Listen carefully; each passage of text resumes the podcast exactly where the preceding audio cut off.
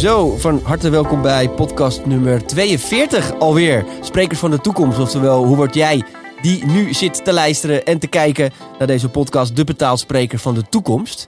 En uh, vandaag uh, in de studio iemand die alles weet over uh, de link tussen ja, de Italiaanse onderwereld en, het, en, de, he, nou ja, en de hedendaagse uh, ja, leidinggevende bedrijven. En vandaag in de studio Jan-Joost Kroon. Yes. Welkom ja, Jan-Joost. Ja. De introductie ging niet helemaal vloeiend, maar dat maakt niet uit, want uiteindelijk gaat het daarom. Hè? Jij Precies. bent expert geworden inmiddels op het gebied van de Italiaanse maffia. Ja. Daar gaan we straks alles over, Ja, over leren. We hebben, je hebt er zelfs een boek over geschreven. Ja.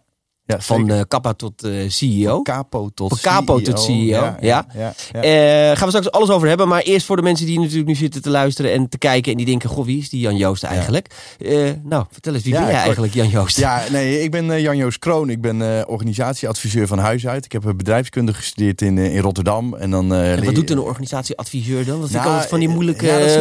altijd. Het is goed dat je er even op door. Ik, ik ben vooral bezig met ontwikkeltrajecten bij bedrijven en verandertrajecten. Dus bedrijven die of willen heel erg willen groeien of juist ook wel bedrijven die willen krimpen. Hè? Want niet iedereen heeft nog steeds de groeiambitie om alleen maar meer, meer, meer. Sommigen willen ook wel En dan heb je het vooral over personeel. Nou ja, ook over, gewoon over business. Dus Ja. ook over minder klanten. En ook gewoon nadenken over, ja, kan ik misschien de dingen die ik doe beter doen, maar dan misschien met wat minder. Ja, ja dus hoe kan ik eigenlijk mijn eh, jacht op klanten wat verkleinen, maar wat meer halen uit mijn bestaande Ja, klanten? bijvoorbeeld. Maar ook gewoon meer geld kunnen verdienen met, eh, met je bestaande business. Ja, en ja. niet alleen maar op zoek zijn, maar naar eh, de verdubbeling van de omzet.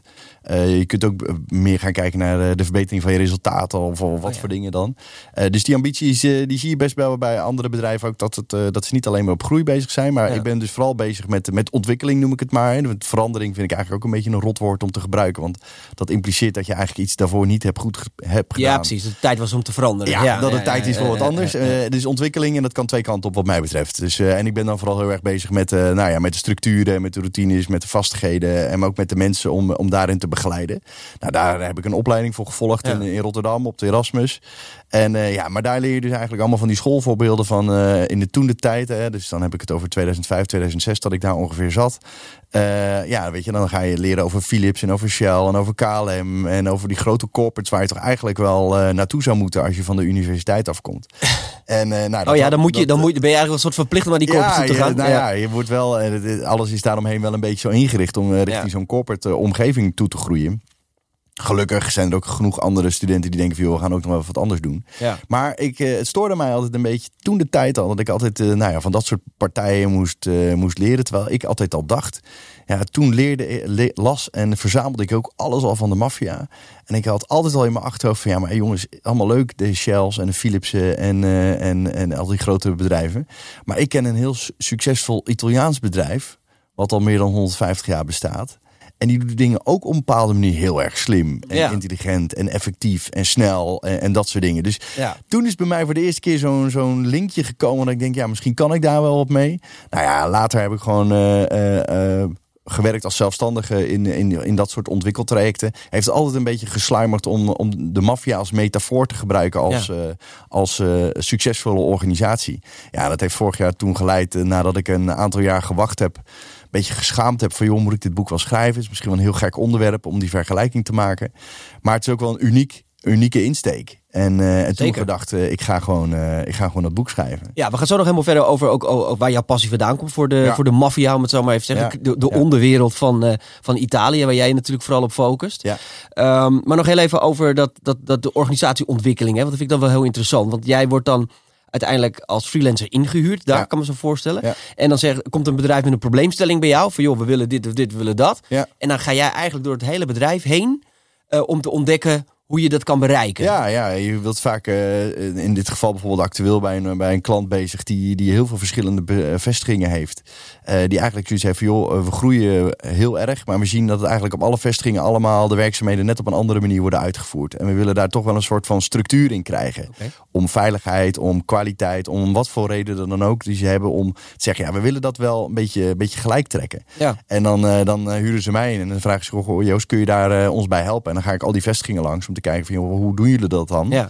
En om dan te kijken van, ja, wat is nou de gemene deler? En ehm, En wat vindt de organisatie belangrijk? Hè? Want uh, op, op uh, locatie A kunnen ze het heel goed doen. En op locatie C kunnen ze het heel goed Ja. doen. Maar ja, wat wil je nou als organisatie? Wat wil je uitstralen naar je klanten, naar je omgeving, naar je, naar je medewerkers? Ja. En, eh, en daar help ik ze dan bij. Maar wat is dan de reden dat ze daar een extern iemand voor moeten inhuren? Ja, Want je zou zeggen, dat zo'n bedrijf moet dat toch ook intern wel kunnen oplossen? Ja, nee, dat, eh, ze zijn daar vaak veel te blind voor hun eigen, hun eigen realiteit. En eh, zien hun eigen eigenaardigheden, zeg maar, niet meer. Hè? Dus dingen die eh, voor hun heel normaal zijn als het gaat over, over kleine dingetjes in een vergadering of in een samenwerking of de manier van communiceren. Dat is eh, ingeslepen. Dat is onderdeel Ja, ja. van de manier van werken geworden. En als je er als buitenstaander vaak bij komt, die denkt, ja, maar ja, dat is een beetje gek, jongens. En of je komt bij een vergadering en er, zijn, eh, er, er is geen agenda. Of niemand die eventjes de acties opschrijft. Of Oh hele kleine dingen waarvan je dan denkt, ja, maar jongens, wacht even, doe Die zijn er normaal. langzaam ingeslopen en die zie je op een gegeven moment als bedrijf zijn er niet meer. Niet meer, of je vindt het normaal en, en je denkt dat dat normaal is. Terwijl dan denk, dan denk ik van ja, maar pff, weet je jongens, eh, moet dat zo? Waarom doen we dat zo op deze manier? En dan heb je even vreemde En, eh, ogen nodig, om het zo maar te zeggen. En, eh, en ook wel iemand die het dan ook gewoon even uitspreekt. Door te zeggen van ja jongens, het is allemaal leuk dat jullie dat zeggen. Ja, zo doen we dat nou eenmaal hier. Want dat is dan vaak het excuus. ja. Maar ja, daar hebben, aan zo'n antwoord heb ik nooit Nee. echt een boodschap. Dat ik denk, ja oké, maar hoe willen we het dan anders gaan doen? En zijn het altijd grote bedrijven of kunnen dat ook Nee, kleine bedrijven zijn? Het zijn, eh, ik heb eh, gevarieerd van corporate organisaties waarvoor ik gewerkt heb, tot aan bedrijven van 13, 14 mensen. Waarbij dan gewoon de ondernemer is ook meteen de manager. En eh, die heeft gewoon eigenlijk zijn eigen organisatie intern niet meer in de klauw. Nee. Maar die is alleen maar bezig met buiten, met klanten, met leveranciers en met sales en dat soort dingen. Ja, en die heeft dan gewoon eventjes iemand nodig die dan eventjes eh, helpt om de boel eventjes op orde eh, te Ja. brengen. Ja. En, en daarna ben ik ook weer weg. En dan is het ook weer aan iemand anders om het, op het, stok, het stokje dan over te nemen. Ja, wat zijn het dan vaak korte trajecten? Of ben je soms maanden in zo'n bedrijf ben- bezig? Nou, ik ben meestal toch wel zeker vier tot zes maanden bij eigenlijk wel bezig. Hè? En ik ben daar niet vijf dagen in de week. Het is vaak één of twee dagen in de week dat je dan bij zo'n klant, zeg maar, eh, eh, dat je ervoor werkt. Ja. Eh, maar voor zo'n corporate organisatie, dat waren dan twee hele grote bedrijven die samengevoegd werden. Ja, dat, dat was echt wel een traject van jaren. En uiteindelijk heb ik de finish van dat traject ook niet gehaald. Oh. Eh, omdat, het, eh, omdat je in zo'n corporate omgeving er dan ook wel soms dusdanig tegengewerkt wordt door allerlei politieke stromingen. Dat je met alle goede bedoelingen eh, eigenlijk gewoon in de kiem gesmoord wordt. En, dat Oké, dus we willen mij, wel veranderen, maar eigenlijk willen ze niet nee, veranderen. eigenlijk niet. En het Oké. moet wel het goede kleurtje hebben, zeg maar. Weet je wel? Dan, dan Ja, wat nemen ze het altijd van je aan? Maar ik kan me best voorstellen dat, dat je inderdaad wel tegen heilige huisjes gaat aantrappen. Ja, ja, ja, nee, absoluut. En eh, eh, de, de meeste mensen staan daar echt voor open. In de vorm van, eh, die denken van, oké, maar wat, wat dan je idee? En hoe zie je dat dan voor je? En hoe, hoe moeten we dat dan gaan inrichten? Ehm, en eh, het is ook een beetje hoe je jezelf daarin zeg maar ook positioneert. Van jongen, ik kom, ik kom hier niet om jou, jouw eh, handel overhoop te halen. Ik kom je, je jou hebt mezelf hier- gebeld. Ja, Ja, ja toch? ik kom Ja. jullie om hier te helpen. En, eh, en dat doe ik met alle, alle beste, beste ideeën van de wereld. Ja. Eh, maar ja, je hebt altijd mensen die zich ongelooflijk bedreigd voelen voor het feit. Weet je, die hebben eigenlijk heel vaak hun eigen koninkrijkje in hun eigen Ja. Maar bedrijf. dat zal vooral bij corporates denk ik zo zijn. Ik kan me voorstellen dat een klein bedrijf misschien wel zoiets Ja. wat sneller wil ja, nou, veranderen of zo. Ook daarin, weet je wel, hebben ze, als je zeg maar met een man of 50, 60 zit of zo, en dan heeft iemand wel zijn eigen afdelingje. En zijn eigen Ja, afdelingje runt hij al 13, 14 jaar op die manier. En dan, kom, dan komt er zo'n wijsneus binnen die dan wel even komt vertellen eh, dat het beter kan of anders kan, of hoe je het dan ook wil vernoemen. Ja. Ja, daar heb ik vaak nog wel even wat. eh, maar het is vaak ook zo'n eerste, tweede gesprek die je met dat soort mensen hebt. Waarin je of meteen de klik kunt maken en je toegevoegde waarde kan laten zien. Ja. Of iemand eh, gaat met zijn hakken in het zand. En dan, eh, ja, dan wordt het een. eh, Heb het maar heb je ook dan nog een rol zeg maar, in dat natrekt? Of is het bij jou puur alleen maar van, joh, dit is wat ik ervan vind, veel succes ermee? Nee. Of ben jij ook wel echt nauw betrokken bij de uitrol van Ja, jouw ik- adviezen, zeg maar? Ik probeer wel zoveel mogelijk echt wel betrokken te zijn. Hè. Dat is ook wel een beetje de keuze die ik vaak ook wel aan de klant laat. Want ik vind vaak ook wel dat ze ook niet de juiste mensen al intern hebben opgeleid of klaar hebben staan die zeg maar het werk van mij zouden kunnen overnemen. hè. Eh, want het is ook wel gewoon specialistisch werk. Hè? Want je bent wel gewoon eh, organisatieadviseur, is wat anders dan eh, leiding geven aan een bepaalde afdeling.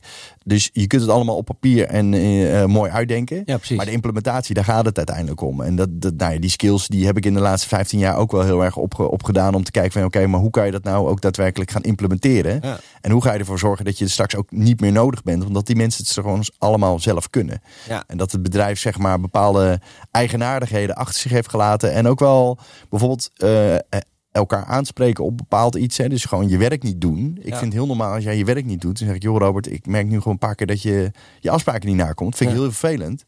Eh, wat gaan we daar dan doen? Ja. Maar dat gesprek wordt vaak helemaal Maar moet jij dat gesprek dan voeren met die mensen? Of Nee, voeren, voeren die leidinggevende dat gesprek Nou, met die ik, mensen? ik, zorg te- ik geef dan het duwtje dat die ja, gesprekken je gevoerd faciliteert het, zeg maar. Ja, Ja, ja, En, en, en want in het begin is het spannend. En dan denken mensen, ja, moet dat wel? Ja, maar ja, John dat- werkt dat- hier al 50 jaar. Ja, dan en moet ik dat- nou tegen John gaan vertellen Ja, dat hij zijn werk niet En dan doet? zeg ik inderdaad, Ja. dat is heel fijn voor John dat hij hier al zo lang doet. En het is vast, vast een hele aardig vent.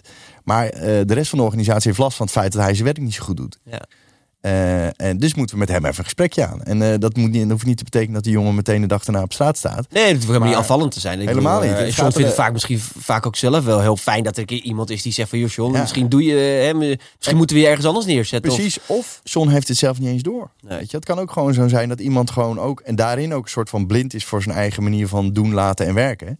Eh, dat hij denkt, ja, maar oh, oh, vind je dat zo? Oh, dat heb ik me eigenlijk nog niet eens zo gerealiseerd. Vaak zijn het hele, hele goede, eh, goede gesprekken. Ja. En, eh, maar je hebt wel eh, eh, leidinggevende managers, directeuren, met name directeur-eigenaren... die hebben echt duwtjes nodig om dat soort gesprekken te gaan voeren. Snap ik. Want die denken allemaal van, ja, maar ja, weet je, dat gaat toch goed? Ja, maar ik snap het ook wel. Want kijk, zelf ook van, nou, ik, ik ben zelf ook directeur en manager van, van Mhm. een team. En soms heb je wel eens van, ja, weet je, de eerste keer dan zeg je er niks van. Tweede keer denk je, nou ja, nou ja, gaat prima zo. En voor je het weet zit je op een bepaald punt dat erover beginnen zo moeilijk en zo ingewikkeld wordt. Ja. eh, ehm, dat je het maar gewoon niet meer doet. Ja.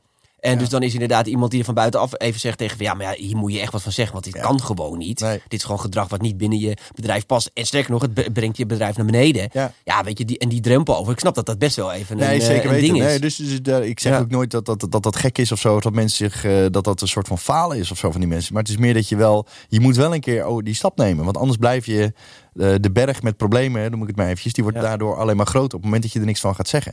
En je hebt het niet in één keer opgelost, maar je moet wel mensen eventjes meenemen van joh, weet je, dit valt me op, dit zie ik. Eh, en ik zie dat andere mensen daar last van hebben. Wat, hoe, hoe, hoe, hoe reageer je daar nou zelf op als ik dit Ja. tegen je zeg? Ja. Ja, weet je, en dan, eh, daar is niks aanvallends aan. En dan denk je van, nou ja, prima. Laten we het gesprek maar eens voeren. Ja, en als je erop achter, achterkomt dat de mensen eh, ehm, daarmee, zeg maar, of, of helemaal eh, met, een, eh, met de voet in het zand gaan staan. Of denken van, ja, maar dit wil ik helemaal niet. Of eh, hier ben ik niet van gediend. Ja, dan moet je ook de vraag gaan stellen, oké, heb ik dan ook de juiste mensen gewoon aan boord? Ik Ja. ben ook wel gewoon daarin ook wel redelijk recht toe, recht aan. Ja. Dat ja, dienstjaren zijn allemaal hartstikke belangrijk. Maar ik vind nog steeds over de toegevoegde waarde die je moet hebben aan het totaal. Ja. En daar gaat het me wat, wat mij betreft om. Maar het is wel mooi, dus je bent wel echt iemand die ook echt in de praktijk achter de schermen weet hoe een bedrijf in elkaar Ja. steekt. Letterlijk van, van, van finance tot Ja. aan marketing, om En het weet zo je maar wat, te weet zeggen. je wat, eh, wat eh, ik krijg van heel veel managers of directeuren vaak terug. Shit, jij weet eigenlijk beter hoe die zaak in elkaar zit dan ik. Ja, maar misschien dat je er ook met minder gevoel naar kan Ja, kijken of zo. Tuurlijk, ik sta er gewoon helemaal emotieloos in. Ja, en, als ik eh, naar mijn bedrijf kijk, mijn bedrijf is, ja, weet je, het ondernemer zegt het is mijn kindje, dat, dat vind ik niet helemaal waar. Maar je kijkt er wel, ja, weet je, je hebt het opgebouwd Ja, vanaf dag één. En dan inderdaad, ja, maar ja, dan komt iemand van buiten en die god, die, ja, die weet het allemaal weer beter. Maar ja, dat is vaak wel zo. ja, Want je nou bent ook verblind door je eigen succes het, of door je eigen die, falen. eh, die vlekken die je eigenlijk zelf niet meer ziet. Want eh, ik weet zeker dat elke externe die je inhuurt, die, die is zeker niet beter dan een directeur die de, die de boel heeft opgericht. Want Nee. kent elk detail van de organisatie. Maar de eigenaardigheden, die ga je gewoon niet meer zien. En dat staat sommige dingen eh, gewoon in de weg. En dat kan van alles zijn. Dat kan eh, eh, betere prestaties zijn. Maar dat kan ook betekenen dat je gewoon mindere kwaliteit levert. Of je afspraken niet goed nakomt. Ja, en ook, en ook innovatiekracht. Hè? Want ik bedoel, ik, ik, ik merk heel erg dat als je zelf op, op een gegeven moment een bepaald succes hebt bereikt. Wij worden vaak in ons, eh hoe heet het, markt, de marktleider genoemd. Jullie zijn de grootste inmiddels. Ja. Maar dat, dat, dat, dat brengt ook een soort luiheid met zich mee. Want dan heb je ook zoiets van, ja, weet je, ik ben inmiddels toch de grootste. Ik bedoel, eh, Ja, ah, joh, lekker ook- makkelijk. Ja, en dan Ja. merk je toch ook, ook, elke markt is in beweging. En overal komen innovaties. En je moet ook wel open blijven durven staan, ook voor veranderingen in de markt.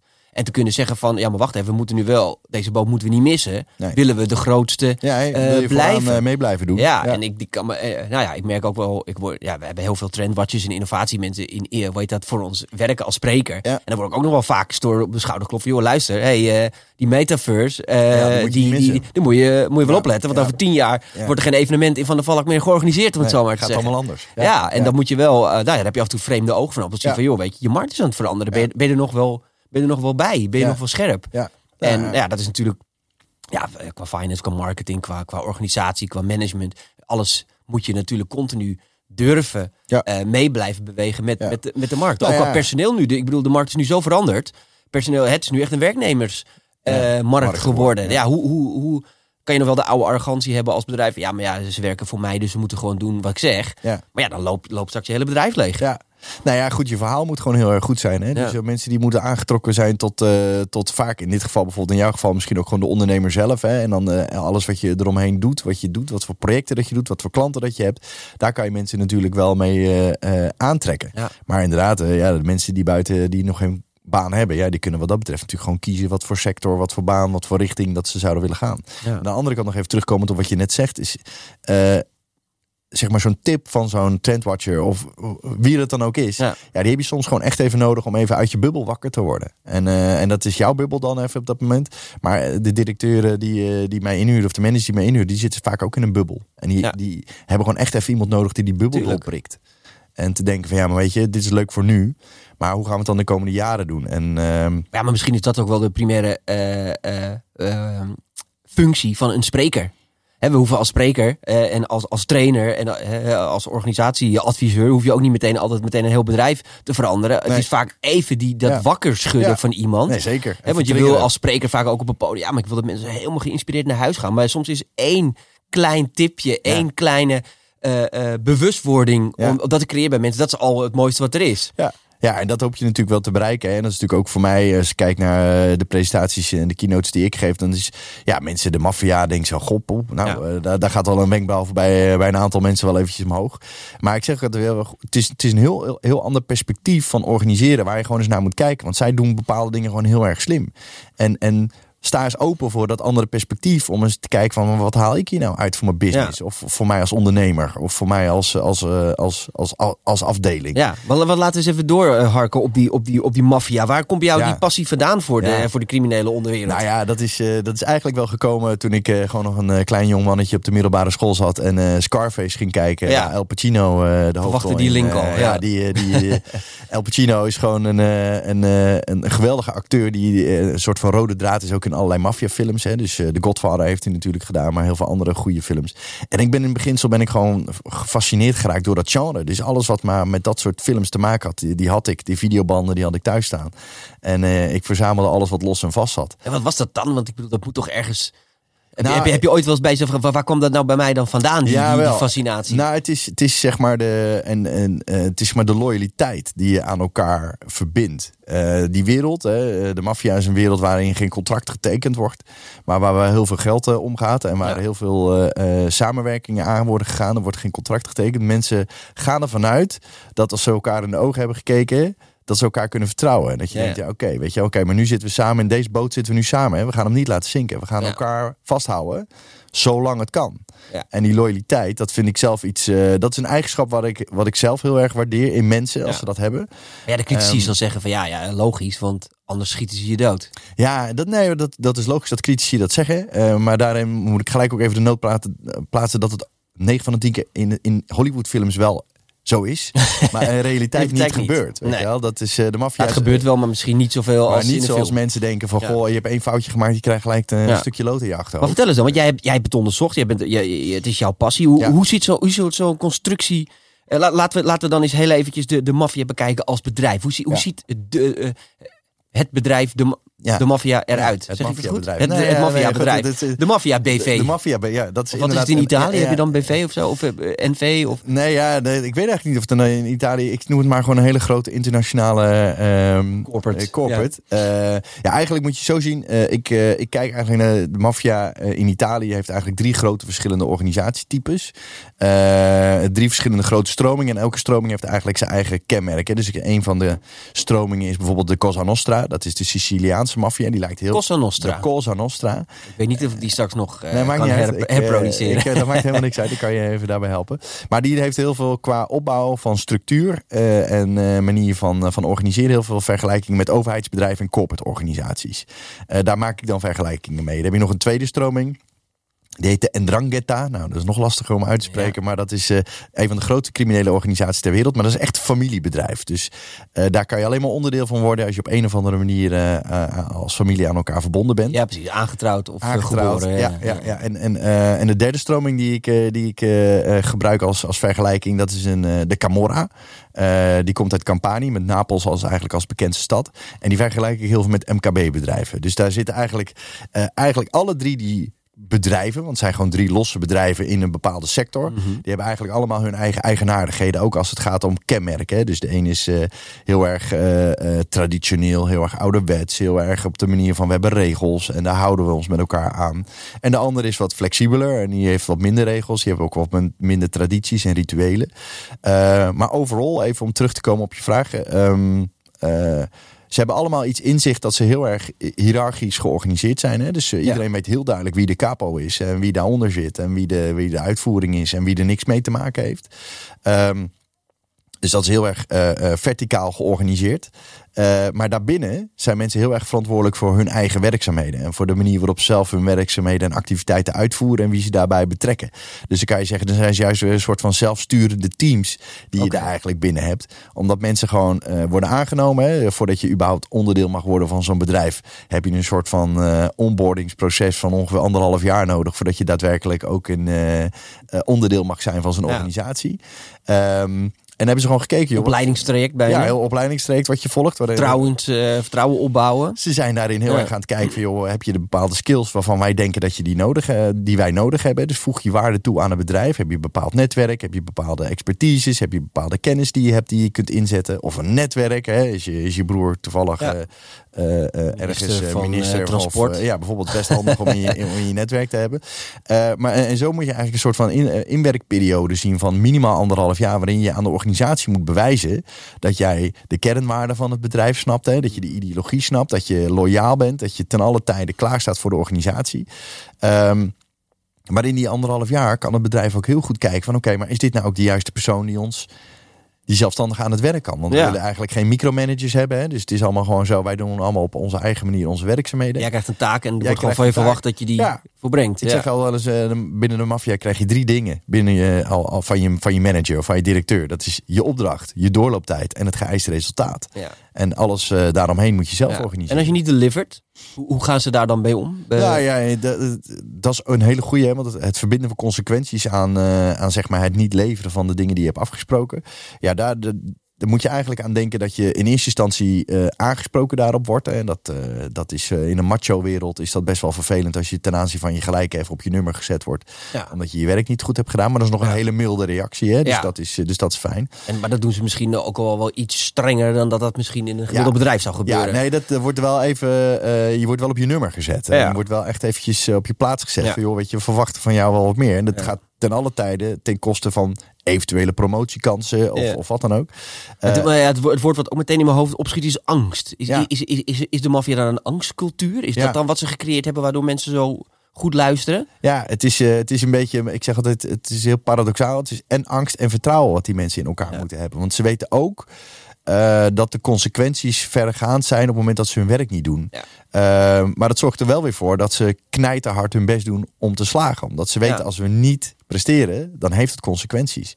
Aan de andere kant is dus een consequentie kan ook zijn dat ze bijvoorbeeld, eh, stel dat hem eh, een van de, een, een klus niet goed is gegaan en daar is een paar ton verloren, dat degene die daarvoor verantwoordelijk is, dat hij dat geld aan de organisatie moet terugbetalen. Ja. Dat is gewoon een boete die je dan op dat Ja. moment krijgt. Ja. Nou ja, goed, dat is allemaal nog wel te overzien, want daar gaat heel veel geld in om. Dus ja, zo'n boete is natuurlijk nooit fijn om te krijgen. Nee.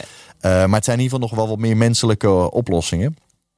Eh, want alternatieve oplossingen, dat kan zijn bijvoorbeeld verbanning. Dat je, eh, dat je bijvoorbeeld heel veel schade hebt berokkend aan de organisatie. Imago-schade, slecht in het nieuws, et cetera. Want dat willen ze niet. Hè. Ze willen zo min mogelijk in, eh, in de krant of in het nieuws of in de media Ja, het moet, het terechtkomen. moet wel onderwereld blijven. Moet allemaal Ja. zo ver Ja. mogelijk onder de radar blijven. Maar moeten we daar dan als bedrijf, ja, zijn we dan, zijn we in bedrijven dan te lief? Zijn we dan te zacht geworden? Moeten we meer alfa-wolven zijn in, als leiders? Wat, wa- waar zit dan de, de grootste les eigenlijk? Nou, de grootste les zit hem dat ik wel vind dat mensen veel te lief zijn voor elkaar. ja, En, eh, Binnen een bedrijf, Binnen een bedrijf. over. Ja, Ja. nee, ze- het is allemaal eh, bedrijfsomgeving Ja. waar ik het over heb. hè. Privé. je moet, moet eh, tegenwoordig als manager, je moet een people manager zijn. En je moet, er, je moet een luisterend oor hebben. En je moet, het is vooral soft skills, om het zo maar even ja, te zeggen. Ja, en ik vind daarin dat we moeten uitkijken dat we daar niet in doorslaan. Omdat het ook gewoon nog steeds binnen een bedrijf gaat om gewoon resultaat en geld verdienen. Hè? Ja. In veel bedrijven. Niet in alle bedrijven, hè? dat begrijp ik niet verkeerd. Maar ik vind ook gewoon op het moment dat iemand zijn werk niet doet... en dan krijgt gewoon elke maand geld voor betaald... dat, je dat, dat hij daar echt wel even op aangesproken mag worden. Ja. En als iemand daar dan van in de war raakt, of uh, geïrriteerd raakt, of beledigd is, of wat dan ook, ja, dan moet hij misschien gewoon lekker wat anders gaan doen. Ja, een maatje van mij die heeft het boek geschreven, Red de Alpha Wolf. Hè? Ja? Dus dat er weer wat meer eh, ruimte moet zijn voor, voor, voor nou ja, niet alleen maar de zachte leider, maar ook wel de Ja. leider die af en toe gewoon eens eventjes, eh, daar, daar ben je eigenlijk een voorstander van. Ja, ik ben wel meer voor ja, dat je ook duidelijker uitspreekt wat je van elkaar verwacht. En dat je elkaar ook wel aanspreekt. Ja. Goh, als je dat niet doet, ja, weet je, het is een keer klaar met de excuses en met de smoesjes en, en weet ik wat. Ik ben ook wel van ja, als je niet levert, ja, dan, dan houdt het op een gegeven moment ook gewoon. Maar, ben je dan, maar, maar als je dan bijvoorbeeld kijkt naar zo'n Gordon Ramsay of zo bijvoorbeeld. Die heb je vast wel eens gezien. Ja, hoe, die, dan- zeker. hoe die dan zijn personeel toespreekt in een Ja. keuken. Wat natuurlijk ook een stuk entertainment is. Maar ben je dan een beetje, ben je meer dan voor dat soort leiders? Of zeg je van, nou ja, dat slaat misschien zijn doel weer voorbij? Nou ja, kijk, ik denk dat, dat hij, eh, dat, dat hij, hoe die op tv is, dat het in de werkelijkheid nog best wel eens een beetje in de buurt zou kunnen komen. Ja, daar ben ik ook nog wel bang voor. Ja. Maar het gaat ook een klein beetje om van wat kan je verwachten op het moment dat je bij een bedrijf gaat werken. Hè? Kijk, als jij in de keuken van Gordon Ramsay gaat werken, ga je werken natuurlijk. Ja, Ja. precies. Dus als je in de keuken van Gordon Ramsay komt te werken, dan weet jij, ik krijg te maken met een enorme klootzak die alleen maar staat te schelden de hele Ja. dag. Ja. Als, je van, als je dan dat weet en je gaat solliciteren en je gaat daarna zeuren over het feit dat hij tegen je scheldt, Precies. dan had je dat niet moeten Nee, doen. dat is ook een beetje Dus je eigen je schuld. moet van tevoren ook even goed nadenken van ja, oké, eh, wa- wat voor type bedrijf is het? En ik snap ook bij grote corporate kan je dat aan de buitenkant echt niet zien, want daar lopen honderden, duizenden managers rond met wie jij misschien te maken krijgt, eh, eh, die allemaal hun eigenaardigheden daar natuurlijk in, in hebben. Maar ik denk wel dat je vooraf, dat er ook bij jezelf best wel even wat beter gekeken mag worden van ja, eh, eh, gaat dit bedrijf wel bij mij passen? Eh, wil ik voor een corporate organisatie werken? Eh, of voor een MKB-bedrijf of voor een familiebedrijf? Maakt me eigenlijk niet zo heel erg veel uit. Maar er ligt ook wel wat meer zelfverantwoordelijkheid eh, bij de mensen zelf die dat gaan doen. En daarnaast denk ik absoluut dat managers en directeuren best wel gewoon mogen zeggen van jongens, ja, er is tijd voor een gesprek, voor reflectie, voor met elkaar in gesprek gaan met groepen mensen, maakt me eigenlijk niet zo heel veel uit. Maar we moeten wel gewoon blijven leveren. Ja. En ehm, als je dat niet wil, dan is dat eh, eh, zeg maar het resultaat van het bedrijf, wat dan anders zal zijn. En dan moet je als manager dan ook niet over klagen. Nee. Als je nu gaat kijken nu naar, weet dat, eh, ehm, er is veel te doen op het moment over de, de, de, de nieuwe generatie. Hè? Een beetje de twintigers die het bedrijfsleven inkomen. Waar je Ja. merkt dat, dat er echt wel een ander soort werkhouding is. Een soort werkethiek. Waar wij van zouden zeggen, ja, die willen allemaal snel geld verdienen. Zijn allemaal wat luiig, willen allemaal maar drie dagen in de, in de week werken. Eh, hoe, hoe zou daar eh, eh, binnen de maffia mee omgegaan? Niet? Nee. Nee, nee, daar is gewoon geen ruimte voor. Nee. En dat is ook heel duidelijk. Hè? Dus dat stellen ze van tevoren ook. Als jij voor dat soort organisaties gaat werken, dan ben je zeven dagen in de week moet je beschikbaar zijn. Maar dan kijk jij toch nu naar de ontwikkelingen binnen de. En jij zal het natuurlijk elke dag meemaken. Naar de ontwikkelingen binnen, binnen de corporates en de bedrijven. Waarbij die kids bijna een soort van beloond worden. omdat er zo'n tekort is aan personeel. Ja. Ja, wat voor advies geef je dat soort bedrijven dan nu? Nou ja, ik, eh, ik vind dat dus heel moeilijk om, om daar zeg maar in mee te gaan. Hè? Dus ook gewoon, ik ben juist dan, dan wel van de stroom. En ik zeg van oké, maar misschien dat je dan ook maar gewoon. Want, want we hebben het over een kleine groep, hè? Mensen die, eh, jonge mensen. Ja, is die op dat die zo? manier- ja, een klein. want Ik vind ook wel degene die heel veel herrie maken. Dat zijn er eh, hoeveel procent van het totaal, zeg maar tussen de 25 en de 32. Hoeveel procent zou dat zijn? Hè? Dat Ja. zijn vaak hoogopgeleide mensen die van de universiteit afrollen. Nou, hoeveel 10, 15 procent is dat ongeveer wat er van de universiteit af? Laat het 25 procent zijn die zo in de wedstrijd zitten. Ja. Ik denk dat er nog steeds 75 procent zijn die wel gewoon willen werken. Ja. En die wel gewoon Ja, het is maken. natuurlijk ook, je focust natuurlijk ook natuurlijk wel op de negatieve dingen. Hè? Want dat is, dat is natuurlijk wat opvalt. Ja. Eh, en je mist de, van de tien, eh, de negen personen die wel gewoon Ja. hard werken en hun best doen. En, en ook, hè, want ik. Maar het lijkt eh, een beetje een soort dingetje te worden op het moment, zeg maar. Dat, dat Ja. hè, qua personeel. Maar ik vind dat ook een beetje, en dat ook zeg maar, meningjes. Hè, dus iemand zei pa- Pascal, ja, nee, op Twitter staat dit. En toen hoorde ik dus later dat er maar 10% van de Nederlanders op Twitter zit. Waarvan ik geloof 8% of 6% maar daadwerkelijk actief op een account zit. En denk, ja, wat is heel die mening van Twitter mij nou waard? Echt helemaal niks. Nee. Dus eh, dat, ja, dat, dat die generatie anders is, ja, dat geloof ik ook absoluut. En die hoge opgeleiden, die, ik denk dat die echt anders in de wedstrijd zitten dan ik. ehm, toen ik afgestudeerd ben. En daar is op zich niks mis mee. Ehm, maar we moeten ons niet doen alsof zeg maar, al die mensen niet ook weer gewoon lekker vijf dagen in de week willen werken of hard willen werken. En het maakt mij niet uit of je twee of vijf of tien dagen in de week wil werken. Het zal mij eh, niet zo heel erg veel shit interesseren. Als geregeld je hebt. je dingetjes geregeld krijgt, maakt het mij helemaal niet uit. Precies. Ehm, maar eh, ik weet ook nog steeds dat er genoeg mensen zijn die het heel fijn vinden om 's ochtends naar hun werk te komen. Die gewoon weten, ik ga vandaag van 9 uur beginnen en ik ga om half zes weer naar huis. En dan ben ik thuis en dan zit mijn dag erop. Dus Ja. er zijn genoeg van dat soort mensen Ja. die het ook gewoon lekker vinden om op die manier aan het werk te zijn. Ja. En eh, ik focus me wat meer op, op die eh, groep eh, jonge mensen. En terwijl die, die anderen, ja, dat zijn misschien de nieuwe leidinggevenden. Laat ze het maar zien. Laat ze het maar bewijzen dat dat werkt. En dat, Ja. die, eh, dat die organisaties nog steeds kunnen ontwikkelen en, en kunnen doorgroeien. Ja. Ik ben benieuwd. Ja, nou heb je een heel boek geschreven van Kapo tot CEO. Ja, Ehm, als mensen er alles van willen weten, moeten ze gewoon het boek lezen. Het is een Ja. fantastisch boek wat je geschreven hebt. je. bestseller ook. ja klopt. Ja, nou super tof. Gefeliciteerd daar sowieso mee. Dank je. Even in de notendop. Kunnen we, kunnen we hem even plat slaan in vijf tips of zo van nou ja, de, de vijf belangrijkste dingen die we kunnen leren van, van de maffia? Ja, nou laten we dat gewoon eens proberen. Laten we gewoon eens proberen. We beginnen met, we beginnen met één. Ja, laten we daar eens mee beginnen. Of met vijf, wat jij ja, wil. maakt- eh, ik, de volgelijkheid maakt eigenlijk niet zo heel veel uit. Ik denk dat er een aantal dingen zijn die mij heel erg op zijn gevallen terwijl ik die analyse heb gemaakt. Hè. Eh, een van de dingen die ik bijvoorbeeld heel erg eh, interessant vind, is de manier van communiceren. Hè. Dus eh, eh, tussen managers, tussen directeuren, afdelingen en mensen. Hè. Dus wij zijn allemaal gewend met voortgangsrapportages, Excel-sheets en weet ik wat allemaal te komen. Nou, een van de mooiste voorbeelden vanuit de maffia is een maffiabaas die eh na 25 jaar de CEO was van de Cosa Nostra, dus die Siciliaanse maffia. En die bestuurde zijn organisatie door pizzini's. Dus dat waren kleine briefjes en die tikte hij op een Olivetti typemachine ergens in een herdershut op het platteland van Sicilië. Eh, en daarmee stuurde hij een vraag, een boodschap of een mening in een discussie, zeg maar, naar een individu. Dus die, die naaide die dan aan de binnenkant van de broekspijp en die werd dan vervolgens op de juiste plek ook weer eh, binnengebracht. Eh, en het lukte hem om op die manier eh 10, 15 jaar lang zeg maar, die CEO-rol te kunnen vervullen. Zonder dat hij mensen zag, zonder dat er werkoverleggen waren, zonder dat er voortgangsrapportages waren. Ehm, ik zeg altijd wel, ik, ik gebruik de maffia graag als extreem voorbeeld. Hè? Dus ik zeg niet dat Nee. bedrijven nu in één keer dat Allemaal briefjes moeten gaan gaan schrijven. Dat ze allemaal Nee, briefjes. Maar hij was eigenlijk een soort onzichtbare CEO en hij Ja. had mensen die dan die briefjes naar Ja, de juiste eh, mensen couriers, eh, zijn bijnaam Ja, was het fantoom van Corleone. Want niemand kende hem en zag hem. Mensen dachten ook heel lang dat hij dood was. Eh, maar het gaat mij even om de manier waarop eh, wij bedrijven aansturen. Hè. En de, de enorme shitload aan e-mails en intranet en eh, appjes en por- portals en ja. allerlei overzichten die je creëert.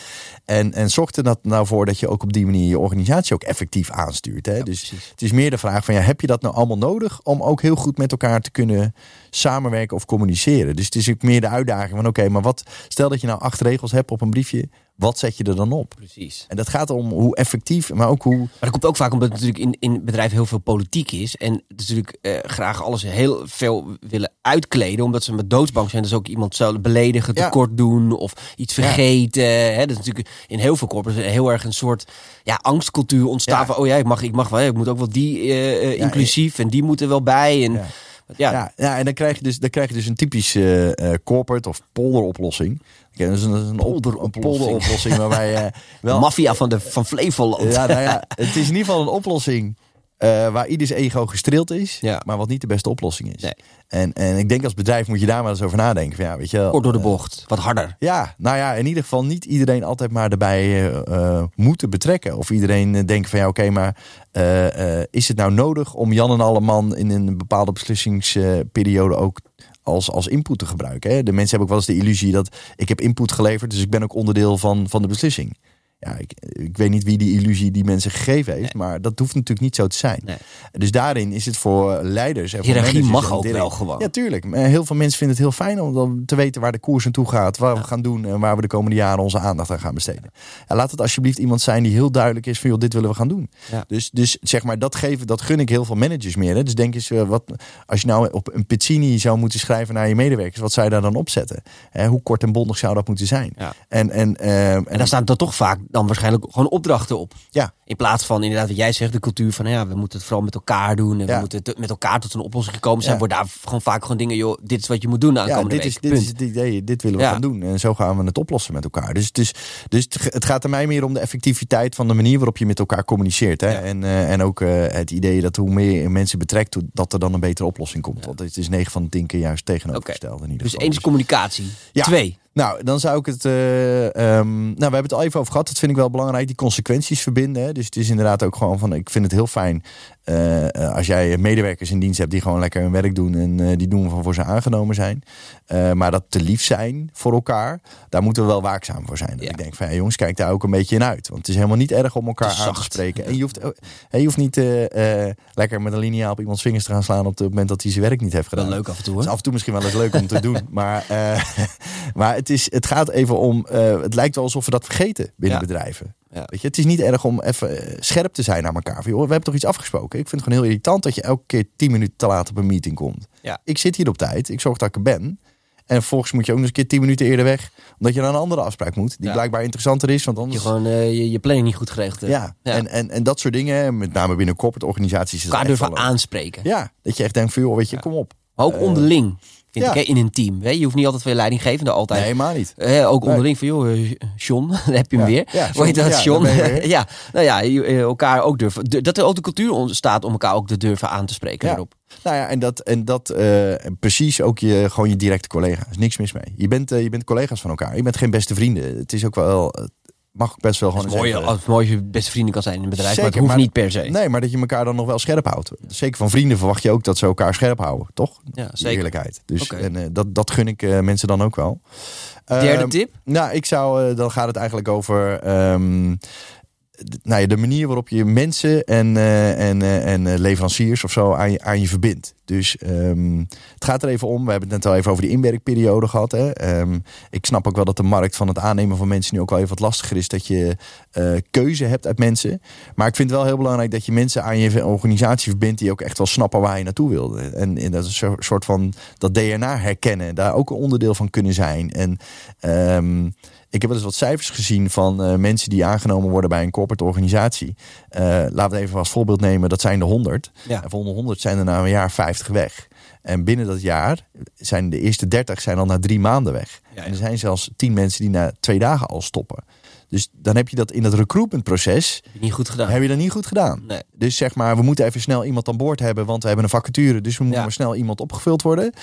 Dat gevoel, ja, dat is echt funest voor, voor je organisatie. Ja. Want er komt iemand in, die gaat er weer uit. Het kost je aan alle kanten alleen maar geld. Ja, dus alleen maar mensen binnenhalen voor het mensen binnenhalen. Maar Ja. niet echt goed filteren of, of, of ze nou bij je bedrijf passen en bij je cultuur Nee, passen. en eh, zeg maar iets meer tijd daarvoor te nemen. eh, en hier hoef je geen anderhalf jaar de tijd voor te nemen. Nee, maar het gaat er wel even om van ja, ik, ik zie heel veel bedrijven die denken, ja, we hebben een vacature, die vullen we op en gaan. Ja. Ik heb wel eens van Apple begrepen dat ze na zo'n heel inwerktraject, want die hebben volgens mij best een intensief eh, stage of inloop, eh hoe heet dat, eh, eh, traject, dat ze dan aan het einde nog zeggen van oké, je mag nu kiezen tussen een vaste baan Ja. of je krijgt 10.000 euro. Ja. Door, de mensen, hè, door nog even de mensen te filteren van wie is er nou echt serieus Ja. en wie wil er nou echt heel graag voor dit bedrijf werken. Ja. Eh, dat was wel in de tijd dat inderdaad personeel wat misschien wat meer voorhanden was dan, eh, Dan nu. dan misschien. nu. Geen idee. Maar ehm, ja, gewoon wat, dus jij zegt eigenlijk wat kritischer kijken naar wie past nou binnen deze organisatie. Ja, en hetzelfde geldt voor leveranciers met wie je bijvoorbeeld werkt. Hè. Dus als je een inkoopafdeling hebt en die heeft voor een bepaald onderdeel twaalf verschillende leveranciers. Dan denk ik bij mezelf, ja, dat, dat kan niet. Weet Nee. je wel? Ja, dat is fijn dat ze alle twaalf hetzelfde stukje kunnen leveren. Ja. Maar leveren ze dezelfde standaard, dezelfde Precies. snelheid, dezelfde kwaliteit. eh, hebben ze dezelfde normen en waarden als jij als organisatie. Dus ik geloof veel meer zeg maar in het, eh, nou ja, niet één op één met mensen per se hoeven te samenwerken als bedrijf. Want je moet natuurlijk ook nog wel wat, eh, wat, wat exit mogelijkheden hebben op het moment dat iemand niet meer kan leveren. Ehm, maar de maffia is bijvoorbeeld heel erg kritisch op met wie er samengewerkt wordt. Daar wordt heel erg goed naar gekeken. Niet alleen naar nieuwe medewerkers, hè, maar ook met partners met wie er in de keten samengewerkt wordt. Want ja, spullen moeten van A naar B. Daar heb je heel veel mensen voor nodig om dat voor elkaar te boksen. Ja. Je gaat niet met Jan en allemaal aan het werk. Ja. Want je wil, wat ik net al zei, je wil niet dat je in de krant komt te staan of dat je in de slecht daglicht. En ze verwachten topkwaliteit. En die maffia die ziet zichzelf als elite in, in hun bedrijfsvoering. En zo gedragen ze zich ook. Ja. Eh, de- en dat verwachten ze ook van partners Ja. en medewerkers. En ik denk eigenlijk voor elke organisatie moet vanuit die bril ook Ja. kijken van ja, maar doen wij dat ook wel eigenlijk? Ja, het is natuurlijk ook wel. Kijk, het is natuurlijk ook omdat eh, uiteindelijk doen ze natuurlijk dingen die crimineel zijn, oftewel die volgens de wet niet mogen. Ja. Dat, dat houdt de organisatie natuurlijk ook wel heel erg scherp. Ja. Kan ik me zo voorstellen. Hè? Het feit van ja, we willen niet boven water komen, we willen, het mag niet aan het licht komen en het mag niet bepaal, bij bepaalde mensen komen. Dat houdt hun natuurlijk ook continu Ja. de, de, de, organisatie op Ja, scherp. zeker. Ze hebben natuurlijk altijd een extra schild om zich heen. Wat, Ja. eh, wat, eh, wat, wat, wat bij normale bedrijven gelukkig niet het geval is. Ze Nee, omdat de consequenties misschien wat minder groot Ja, zijn. Ik bedoel, ja, als bij mij hier iemand op kantoor een fout maakt, ja, loop je misschien een keer een boeking mis. Ja. Maar dat is het. Maar in, in zo'n criminele organisatie kan dat meteen een effect hebben dat, eh, nou ja, dat de politie, ik zeg maar even wat, Ja, justitie of, op, op de stoep staat en je hele organisatie afbrokkelt. Ja. Ehm, maar die urgentie creëren is misschien wel heel interessant Ja. voor een bedrijf. Nou, en dat is het. Dus dat is meer ook gewoon van jongens, denk eens heel goed na met, met, met wie je samenwerkt. En passen die bedrijven nou allemaal bij je? Passen die mensen allemaal wel bij je? En misschien dat met, met medewerkers nu even wat lastiger is om daar heel erg eh, eh, kritisch aan te zijn. Omdat er geen honderd aan de poort staan om naar binnen te lopen. Maar als het gaat over leveranciers of partners of wie dan ook. Ja, gewoon heel kritisch zijn. En niet gewoon maar met Jan en allemaal in zee gaan. Omdat je denkt, dan werk ik maar met iedereen samen en dan komt het wel goed. Ja. Nee, dan komt het dus vaak niet goed. Ja. Dus nou, dat is een dingetje. We hebben er nog twee. Ik heb, eh, wat ik heel erg belangrijk vind, is, eh, ik noem het graag eh, het vak volwassenheid. Ehm, medewerkers van de maffia, dat zijn hele vakvolwassen medewerkers. Dat zijn, dat zijn topcriminelen. Dus dat zijn jongens die in hun vakgebied heel erg goed zijn. Heb je het dan over de Ehm, bovenlaag of ook alles wat eronder hangt? Zeg maar? Alles wat onderdeel is van- binnen de maffia kan je zien echt als top. Eh, dus als jij eh, lid bent van zo'n organisatie, dan ben je, behoor je echt wel tot, eh, tot het beste in jouw vakgebied. Dan moet ik het maar even zo zeggen. Ja. Ehm, eh, en daar ook op vertrouwen als organisatie. Hè? Dus ik, ik noemde het al eventjes eerder, ik had het even over micromanagen. Ehm, dat gebeurt daar dus niet. Hè? Want je hebt dus als organisatie mensen aangetrokken aan je organisatie of verbonden aan je organisatie. Daar werk je mee samen en die vertrouw je. Simpelweg omdat je weet, oké, ik heb ze aangenomen. Ze kunnen iets. Ze hebben aangetoond dat ze passen bij het bedrijf. En ik heb vertrouwen in dat ze hun werkzaamheden ook gewoon goed kunnen uitvoeren. En eh, dat, dat, dat leunen op hun eigen expertise. En denk van, joh, weet je, jij krijgt je dingetje wel geregeld. Ik hoef niet over jouw schouder mee te kijken. Ik hoef niet te checken of je planning wel lekker loopt. En dat soort eh, eh, dingen die managers heel Ja. graag eh, Ja. met je willen, willen afstemmen.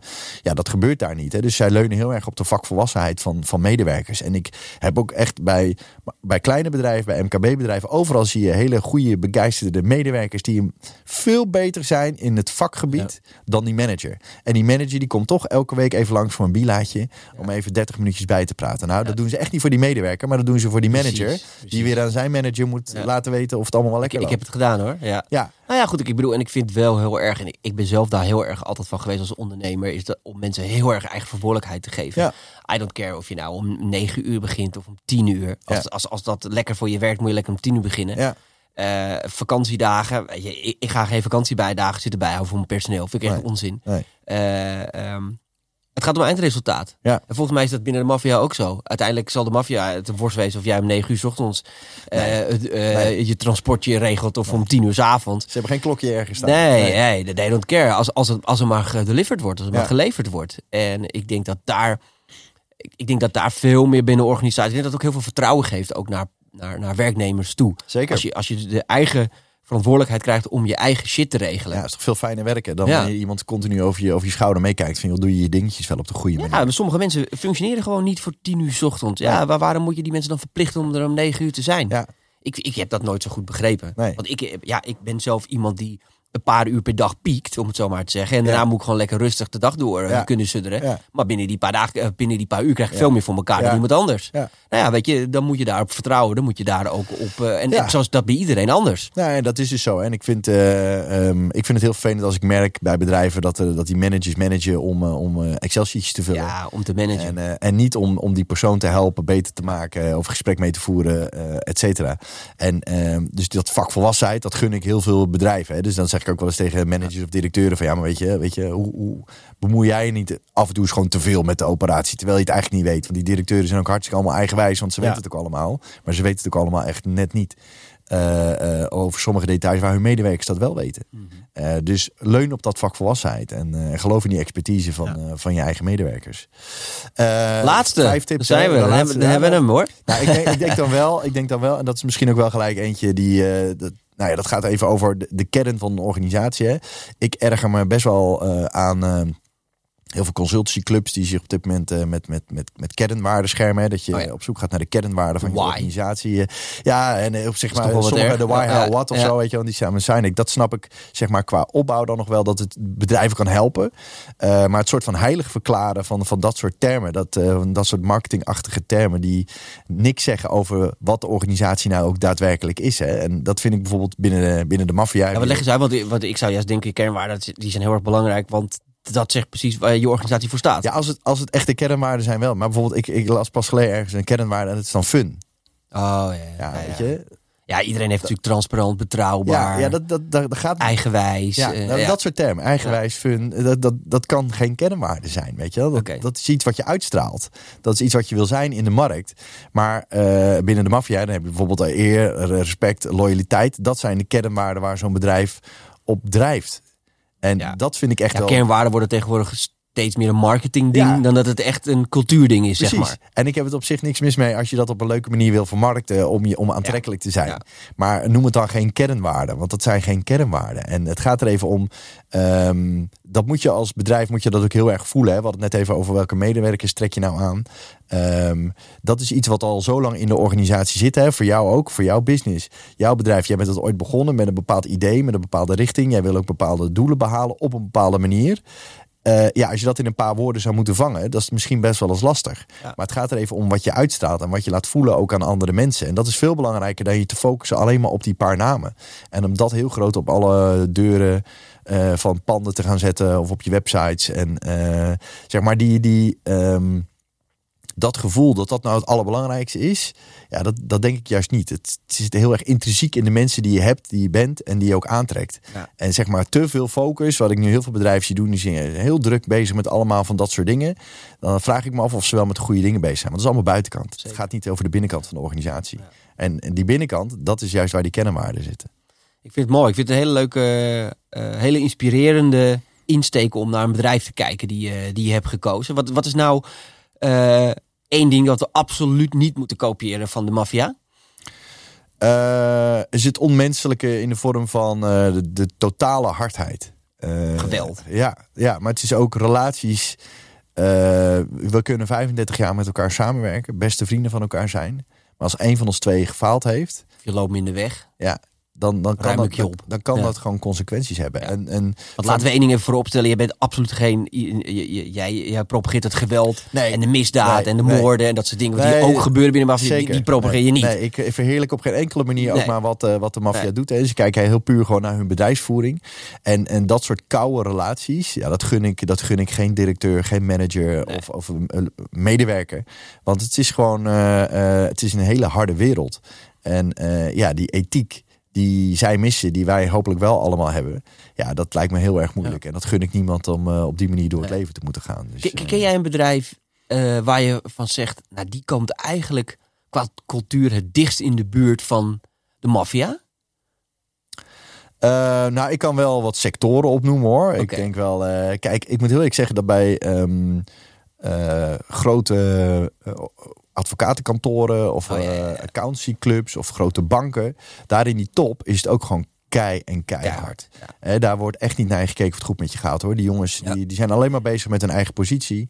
Ik overdrijf, want het zal heus niet al- overal zo zijn. Maar het gaat even om eh, zeg maar de hardheid waarmee zeg maar, gewerkt wordt. Precies. En zogenaamd Waar, waar mensen bijna gewoon een soort nummers, een paar pionnetjes worden... Ja. Om, om, om je schaakspel te kunnen spelen. Ja, en ook aan alle kanten gedaan worden om intern slecht nieuws zoveel mogelijk buiten de media te houden. Hè. Dus afkoopsommen, nou, die klokkenluiders. Je hoeft, ik denk dat je om de twee, drie dagen wel een bericht hebt over een accountskantoor of over een groot advocatenkantoor.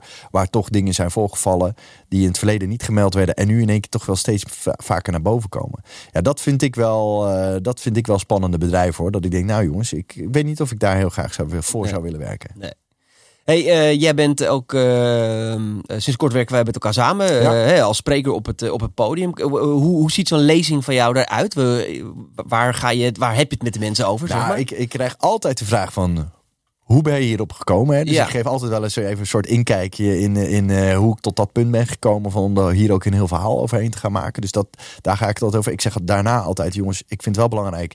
Want iedereen weet wel, iedereen kent het woord maffia wel. Hè? Maar het is net zoiets als, eh, als iPad of als eh eh, Luxeflex. Iedereen kent het wel, maar niemand weet precies hoe het in elkaar zit. nee, Eh, en weet dat het bestaat, maar ja, precies. Dus, ik- ja. dus ik vertel even kort even, ik noem dat altijd even wat basiskennis over, over de maffia. Waarvan ik denk dat vind ik belangrijk om te weten. Natuurlijk ook even in relatie tot, eh, tot bedrijven. En daarna heb ik gewoon zeg maar 10, 15 onderwerpen. Beetje afhankelijk van wat, eh, wat iemand interessant vindt om over te hebben. Of wat interessant is voor het publiek wat er zit. Om dan te zeggen, oké, dat zijn dan onderwerpen waar we het over gaan hebben. Dat kan dus gaan over communicatie, of over leiderschap of over procesmanagement. Ik noem maar even een aantal dingen. Het zijn allemaal eh, alle soorten en maten die je daarin maar kunt bedenken. Ik zeg maar zo, alle elementen die in een normaal bedrijf voorkomen, komen ook voor binnen de maffia. En kan ik daar dus vergelijkingen mee maken. En daar Ja. ga ik dus zeg maar in een derde gedeelte van zo'n presentatie eh, dieper op in. En wat ik altijd heel erg leuk vind, ik krijg altijd heel veel vragen. Mensen eh, eh, ja, het is natuurlijk een onderwerp wat zoveel vragen oplevert. Ja. kan ik me heel goed ja, voorstellen. Ja, dus dat is een beetje hoe, hoe gemiddeld ongeveer zo'n lezing voor mij eruit ziet. Ja. Hey, en van Kaper tot CEO, jouw, eh, jouw, nu jouw grote, eh, je bestseller. Eh, komt er nog een nieuw boek aan? Ja, Eh, ja, dat denk ik wel. Oké. Ja, ik, eh, ik moet wel heel eerlijk zeggen dat ik, ik heb wel wat dingetjes liggen op de plank waarvan ik denk dat lijkt me leuk om daar een vervolg Maar weer over de te maffia of ga je een heel ander onderwerp Nee, aansnijden? ik ga niet op een heel ander werp. Ik denk dat het, eh, het percentage maffia ietsje minder gaat worden. En Oh ja. iets meer zeg maar, de bedrijfskundige richting op. Maar ik zal altijd wel de vergelijking kunnen blijven gebruiken die ik heb met mijn kennis vanuit, die, vanuit de maffia. Maar goed, ik ben voor, toch bedrijfskundige. Dus daar, daar kriebelt het toch altijd nog wel om daar toch nog wel wat dingen over te schrijven. Snap ik. Ja. Ik vond het leuk om je gesproken te hebben. Ja, het was een mooi ook. interview. We hebben Dankjewel. 50 minuten eh, vol gemaakt. Ja, dus nou, eh, is, eh, volgens mij nog wel een onderwerp waar we nog een uur over door hadden kunnen praten. Wie weet doen we dat nog wel een keer in de weet. toekomst. Dankjewel. Dankjewel, Jan Jo. Joost. Yes. Jullie allemaal bedankt voor het kijken en het luisteren naar deze podcast. Check vooral ook al onze social media kanalen. Tegenwoordig ook op TikTok. Dus volg ons daar ook vooral. Check op YouTube het, nou ja, alle andere interviews. Check onze website www.quality-bookings.nl en www.sprekersvandetoekomst.nl voor nog veel meer inspirerende podcasten. Dankjewel.